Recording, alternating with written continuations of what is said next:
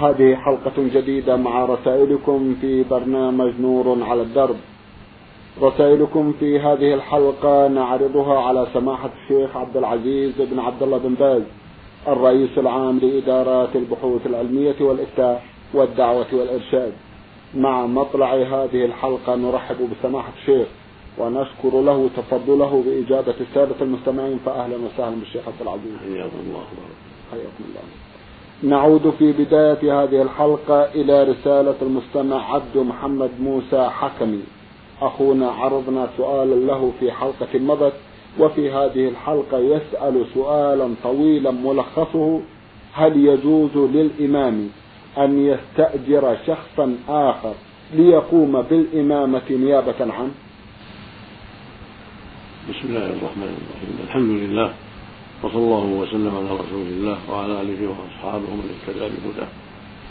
أما بعد فلا حرج في ذلك في أصح قولي العلماء إذا كان المستأجر صالحا لذلك ووافقت عليه الجهه المسؤولة كالأوقاف مثلا أو صاحب المسجد الذي عينه فيه اماما لكن إذا ترك الاستئجار وقال لا تنوب عني أنا إن شاء الله أساعدك يكون أحسن من لفظ الاستئجار. لأن كثيرا من العلم يكره هذا اللفظ ويكره هذا الاستعمال. نعم.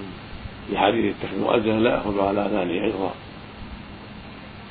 سئل أحمد رحمه الله عن رجل يقول أصلي بكم رمضان بكذا وكذا. قال أعوذ بالله ومن يصلي خلف هذا أو كما قال رحمه الله. الحاصل مثل هذه العبارات فيها شيء من نقص. أو كونه يقول لا. أنت تنوب عني وأنا إن شاء الله. لا أقصر مساعدتك أو إن شاء الله. أعطي ما يعينك على حاجتك أو ما أشبه ذلك. أحسن من كونه يتعاقد معه إجارة. نعم. بارك الله فيكم. نعود أيضا في هذه الحلقة إلى رسالة الأخت إيمان سلطان سعود من الدمام. أختنا في حلقة مضت عرضنا لها ثلاثة أسئلة. وفي هذه الحلقة تسأل وتقول ما حكم التعطر بالعطور التي تباع في الأسواق؟ وكما هو معروف إن بها نسبة من الكحول. هذا في تفصيل. فإذا علم أن هذا العطر فيه شيء مما يسكر كثيره لم يجوز. إذا كان المشتري والمستعمل يعلم أن هذا العطر فيه شيء من المسكر الذي يسكر كثيره أما الشيء القليل الذي لا يسكر كثيره فهو معفو عنه. كما قال النبي صلى الله عليه وسلم ما أسكر كثيره فقليل حرام. ودل على أن الذي لا يسكر كثيره لا يكون محرما لكن ما عرف أنه يسكر كالكالونيا المحروم يستعمله بعض الناس وفيه من السبيرت وما يسكر هذا معروف. فالواجب تركه وعدم استعماله طيب. إلا إذا علم أن الذي فيه قليل لا يسكر كثيره. فلا بأس أو علم أنه ليس فيه شيء فلا حرج. أما ما هو معروف الآن من كونه يسكر ويتعاطى بعض السفهاء ويسكرون بهذه المادة المعروفة مادة الكالونيا هذا لا يجوز استعماله. حتى يسأل أهل البصيرة أهل الخبرة إذا شهد أهل الخبرة هذا أن هذا ليس به شيء أو به شيء لا يسكر كثيره فلا بأس. جزاكم أما العقول التي يعرف لا يعرف حالها نعم. فاستعمالها لا بأس طيب. حتى يعلم أن بها شيئا يسكر كثيرا. جزاكم وإلا فالأصل الإباحة جزاكم الله خيرا. أختنا تسأل أيضا وتقول هل يجوز وضع الحنة على الشعر أو اليدين والمرأة حائض وأيضا ما حكم خلط الحنة مع البنزين؟ ليس ليس في هذا شيء. سواء كانت حائضا أو نفساء أو في حال الطهارة كونها تتحنى في رأسها أو في يديها لا بأس. وإذا كان في خلطه بالبنزين شيء من المصلحة والفائدة فلا بأسا في ذلك نعم. جزاكم الله خيرا.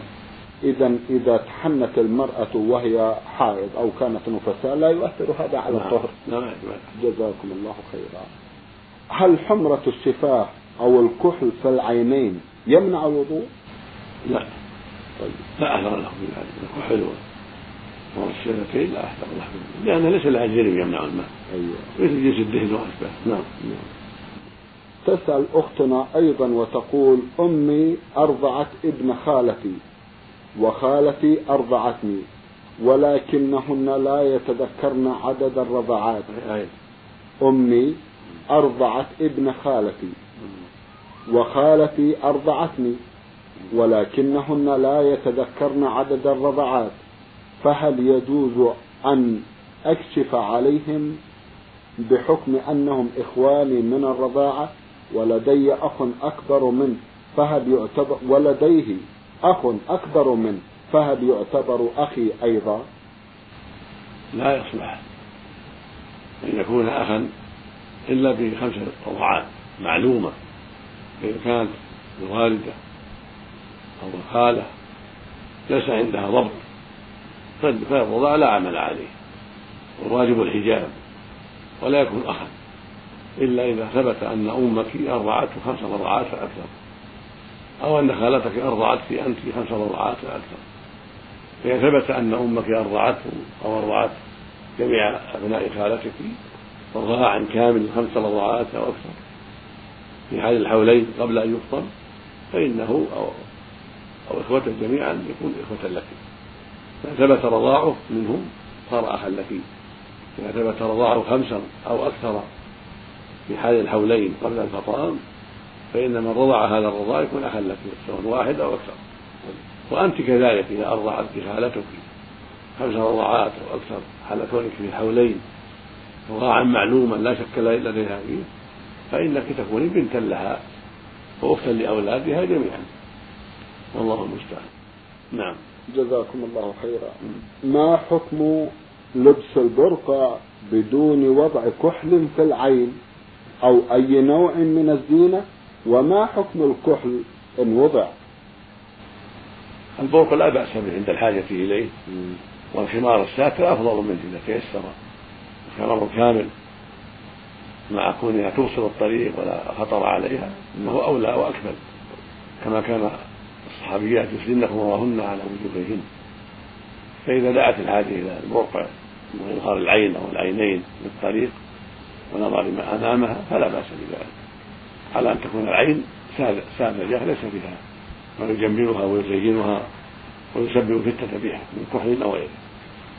نعم. ما حكم لبس الحجاب في الخارج؟ بحيث يكون اللبس محتشما والوجه خال من الزينة لأن تغطية الوجه بالكامل يجعل الآخرين ينظرون إلى المتغطية بشك وريبة. وربما يتبعونها بشكل مجموعات. نرجو التوضيح في هذه المسألة. جزاكم الله خيرا. وهل يجوز وضع النقاب اللثمة بحيث تظهر العينان فقط؟ الحجاب واجب في السفر والحضر عند الأجانب وغير الأجانب من الكفرة وغيرهم. ليس المرأة أن تكشف الحجاب عند كفرة في بلاد الكفار. بل عليها أن تستر بدنها ووجهها كما تستر عند المسلمين.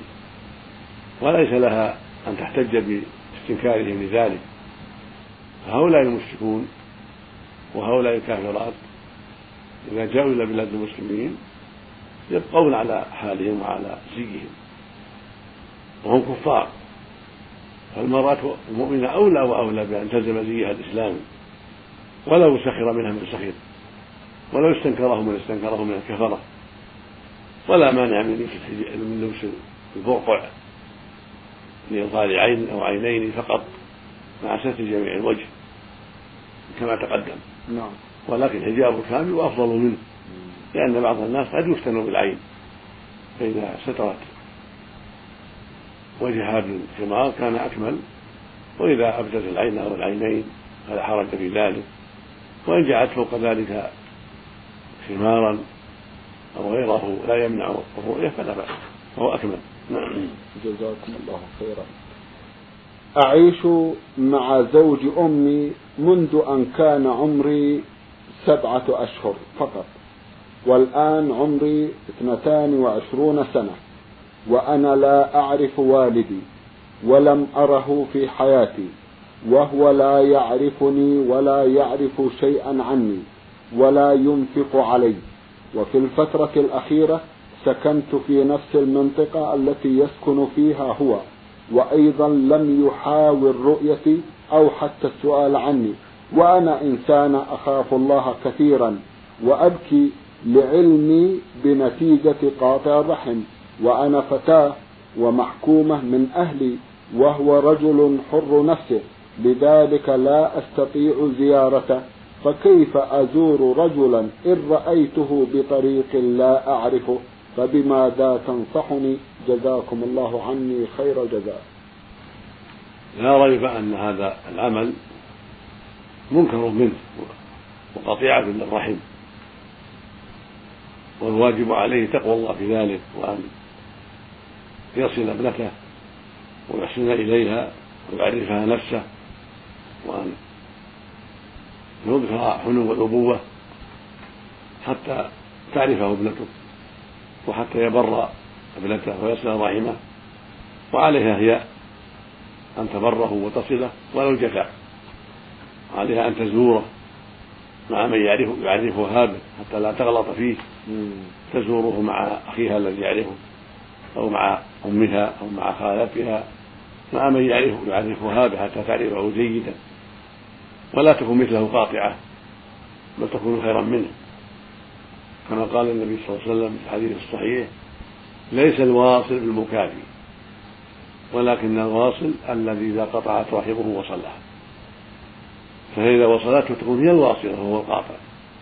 ويكون لها أجر الصلة وقد قال النبي صلى الله عليه وسلم في الحديث الصحيح لا يدخل الجنة قاطع رحم. وقال صلى الله عليه وسلم عن الله عز وجل أنه قال للرحم لما اشتكت إليه قال ألا ترضين أن أصل من وصلك وأن أقطع من قطعك؟ قال بلى يا رب. قال لك إن ذلك لك.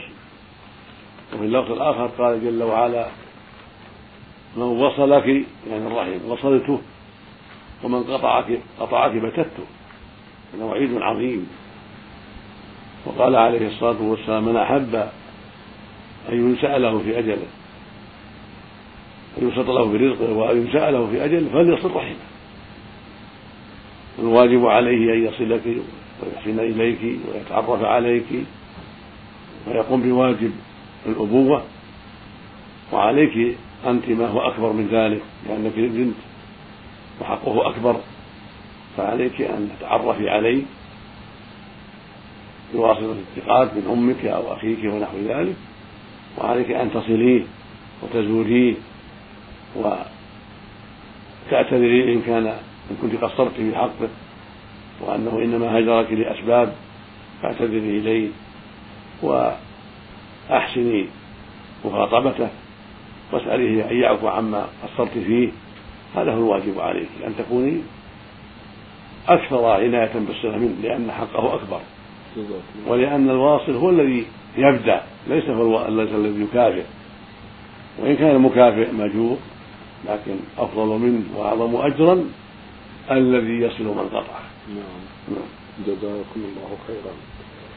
رسالة وصلت إلى البرنامج من أحد الإخوة المستمعين يقول زكي محمد محمود من دولة قطر. أخونا يسأل ثلاثة أسئلة. يقول أشاهد بعض الناس عندما يقبل البعض الآخر ينحني بل ولربما سلم في يده. هل هذه الطريقة جائزة أو لا؟ لا يجوز الإنحناء السلام. وروي عن النبي صلى الله عليه وسلم عن ذلك. قد روي عنه صلى الله عليه وسلم أنه نهى عن ذلك. وإن كان في الحديث بعض النظر والضعف لكنه أمر لا ينبغي وإنما السنة أن يسلم وهو منتصب صافح اخاه أو يعانقه إن كان قد من السفر. هذا هو السنة يصافحه عند اللقاء ولا ما ولا بأس بالمعانقة عند قدوم من السفر. كان أصحاب النبي إذا تلاقوا تصافحوا رضي الله عنهم وكانوا يصافحون النبي عليه الصلاة والسلام. وقال أنس رضي الله عنه كان أصحاب النبي صلى الله عليه وسلم إذا تلاقوا تصافحوا. وإذا قدموا من سفر تعانقوا.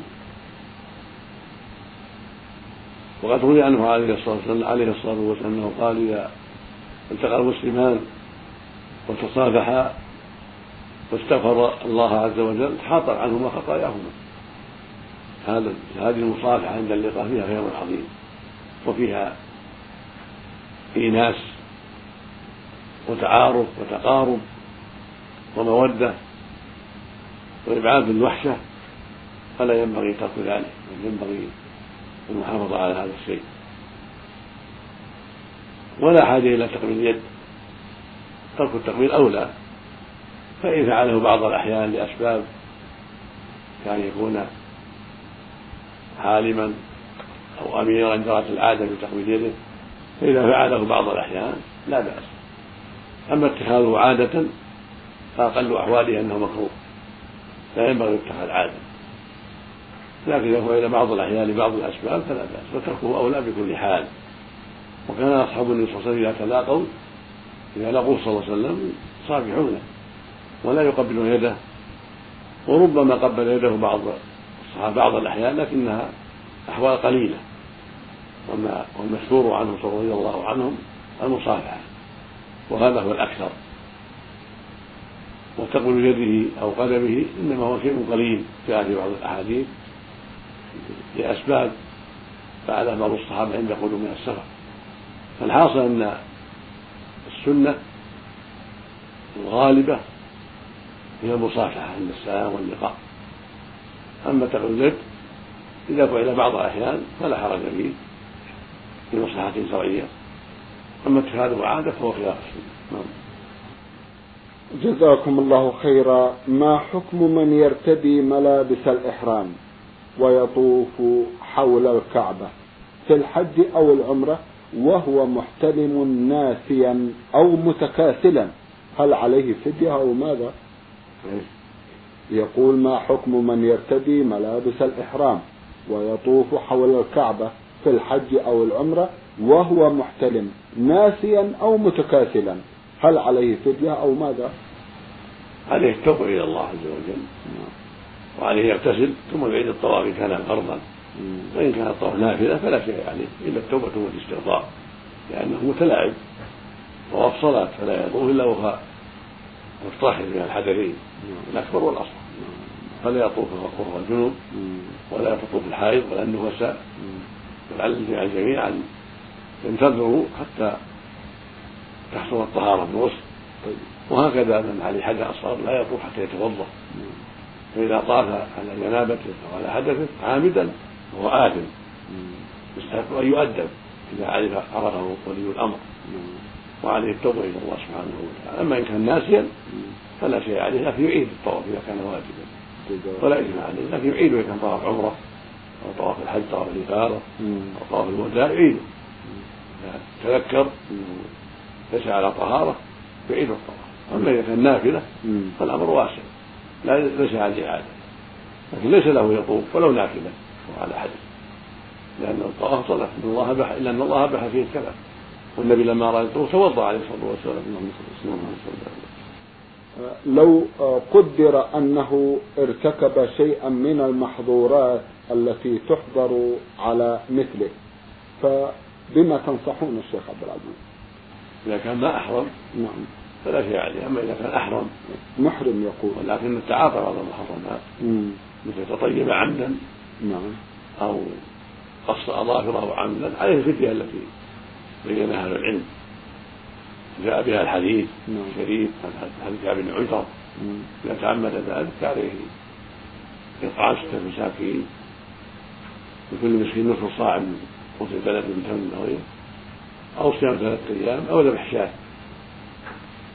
والذبح والإطعام لكل مساكين الحرم كما لو غطى رأسه أو لبس المخيط نعم كذلك. في حال الإحرام نعم. فالذي يقص أظهاره أو يتطيب عامدا أو يحلق شعره عامدا يكون عليه الفدية أما إذا كان ناسيا فلا شيء عليه. بارك الله فيكم وإذا هكذا أتى كان إذا كان جاهلا نعم. لا شيء عليه نعم. وإذا أتى أهله شيخ عبد العزيز. هذا فيه الخلاف إذا أيوه كان ناسي أما إذا كان عامد أيوه. هذا يبطل تبطل عمرته ويبطل حجه إذا كان قبل التحلل الأول. قبل يعني أن يرمي ويحلم ويقصر ويطوف نعم. إن قبل عرفة أو بعد عرفة لكن قبل أن يتحلل يتحلل نعم. يبطل حجه ويكمل عمره رجاله عمره. عمرة فاسدة. وعليه أن يقضي في المستقبل بدل الحج الذي أفسده وعليه بدنه فيما إذا كان فقراء. نعم. وفي العمرة إذا كان أفسد العمرة طاف جامع قبل أن يطوف ويسعى يكون عليه شاة تفسد عمرته. ويكملها ثم يقضيها من من الميقات الذي أحرم منه في الأولى. يعني يقضي هذه الفاسدة التي جامع فيها. ثم عليه يأتي بعمرة جديدة من الميقات التي أحرم بدلا من هذه العمرة التي أفسدها. نعم نعم. جزاكم الله خيرا. صلى الله عليه اللهم آمين. يسأل أخونا ويقول ما حكم القصائد في المدح النبوي خاصة الطريقة المرغنية والضيفية فيما يبدو وخاصة هذه الطرق لها أنصار ومتفقهون في هذه الناحية؟ يكادون يتركون القرآن الكريم والسنة المحمدية. نرجو نصيحتهم. جزاكم الله خيرا. الطرق الصوفية على العموم طرق مبتدعة. نورانية أو شاذلية أو برهانية أو قادرية أو تيجانية أو غير ذلك. كل هذه الطرق مبتدعة وبعضها أشد من بعض. كلما كانت الطريقة أكثر مخالفة للشر صار إثمها أكثر شرها أعظم. والواجب تركها والاكتفاء بما قاله الله ورسوله. هذا هو الواجب أن يسير المؤمن على طريقة أصحاب النبي صلى الله عليه وسلم ومن تبعهم بإحسان في أقواله وأفعاله وحركاته وسكناته. ولا يحدث طريقة جديدة في عباداته أو في أذكاره أو غير ذلك. بل يكفيه ما كفى الأولين من أصحاب النبي صلى الله عليه وسلم وأتباعهم بإحسان. ولا يجوز لأحد يحدث طريقة جديدة يتعبد عليها دون الطريقة التي شرع عليها رسول الله صلى الله عليه وسلم وأصحابه. هذه من المصائب العظيمة التي بلي فيها الناس. الواجب على كل مؤمن وعلى كل مؤمنة أن يكتفي بالطريقة التي درج عليها صحابة رسول الله صلى الله عليه وسلم ودرج عليها أتباعهم بإحسان وأن لا يحدث في دين الله ما لم يأذن به الله. قال الله تعالى أم لهم شركاء شرعوا لهم من الدين ما لم يأذن به الله. قال النبي صلى الله عليه وسلم من أحدث في أمرنا هذا ما ليس فهو رد. متفق عليه. وقال أيضا عليه الصلاة والسلام من عمل عملا ليس عليه امره فهو رد فهو مردود. وكل الطرق هذا طريقها. نعم. إلا طريق النبي صلى الله عليه وسلم الذي درج عليه أصحابه رضي الله عنهم وأرضاهم واتباعهم بإحسان. نعم. جزاكم الله خيرا. رسالة وصلت إلى البرنامج من أحد الإخوة المستمعين يقول المرسل عبد الله والعمر سبع عشرة سنة من الرياض. أخونا يقول إنني أشكو من السهو وسرحان الفكر في الصلاة فبما تنصحونني؟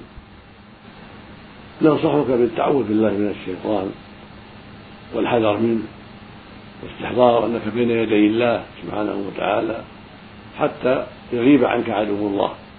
فإن باستحضارك أنك بين يدي الله وأنك تناجيه وتعظمه وترجو رحمته وتساعد عقابه هذا من أعظم الأسباب في إبعاد عدو الله عنك. فإنه وسواس الخناس. عند ذكر الله يبتعد عن العبد وعند الغفلة والوساوس يحضر فالواجب عليك أن تجتهد في محاربته باستحضار أنك بين يدي الله وأنك ترجوه وتخافه وتحذر نقبته تريد أداء حقه وإذا لبس عليك تستعيذ بالله من الشيطان أعوذ بالله من الشيطان. تنفذ عن يسارك ولو في الصلاة. تنفذ عن يسارك ثلاث مرات تقول أعوذ بالله من الشيطان الرجيم. وقد اشتكى عثمان بن أبي العاص ثقافي الصحابي الجليل إلى النبي صلى الله عليه وسلم وقال يا رسول الله إن الشيطان لبس علي صلاتي فقال ذاك شيطان وقال له خنزر فإذا أحسست بذلك فتعوذ بالله من الشيطان ثلاثا وانفث عن يسارك ثلاثا ففعل. فعافاه الله من شره فالتعوذ بالله من الشيطان والصدق في ذلك من أسباب السلام. ولو أنك في الصلاة إذا أشغلك تنفض عن يسارك ثلاث مرات تقول أعوذ بالله من الشيطان الرجيم. كررها ثلاثا وسوف يزول عنك إن شاء الله. وهكذا في غير الصلاة. كل ما أحسست بهذه الوساوس فتعوذ بالله من الشيطان واذكر الله سبح الله واحمد الله وكن قويا في محاربة عدو الله. جزاكم الله خيرا. يسأل أخونا سؤال آخر ويقول ما حكم الإسلام في سماع الأناشيد الدينية الخالية من الآلات الموسيقية؟ لا لا فيها بأس. طيب. إذا كانت سليمة ليس فيها إلا كلام طيب وليس فيها آلات الملاهي فلا بأس به. نعم. بارك الله فيكم. سماحة الشيخ أخاف الوقوع في الرياء فماذا أفعل لاجتنابه وخاصة في الصلاة؟ عليك أن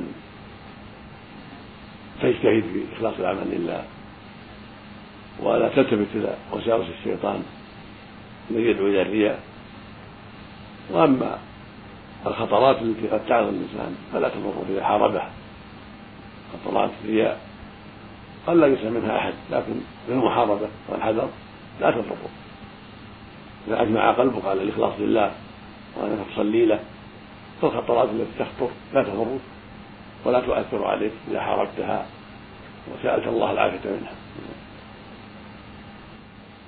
جزاكم الله خيرا. سماحة الشيخ في الختام أتوجه لكم بالشكر الجزيل بعد شكر الله سبحانه وتعالى على تفضلكم بإجابة السادة المستمعين وآمل أن يتجدد اللقاء وأنتم على خير. نعم مستمعي الكرام كان لقاؤنا في هذه الحلقة مع سماحة الشيخ عبد العزيز بن عبد الله بن باز الرئيس العام لإدارات البحوث العلمية والإفتاء والدعوة والإرشاد. شكرا لكم مستمعي الكرام. وسلام الله عليكم ورحمة وبركاته.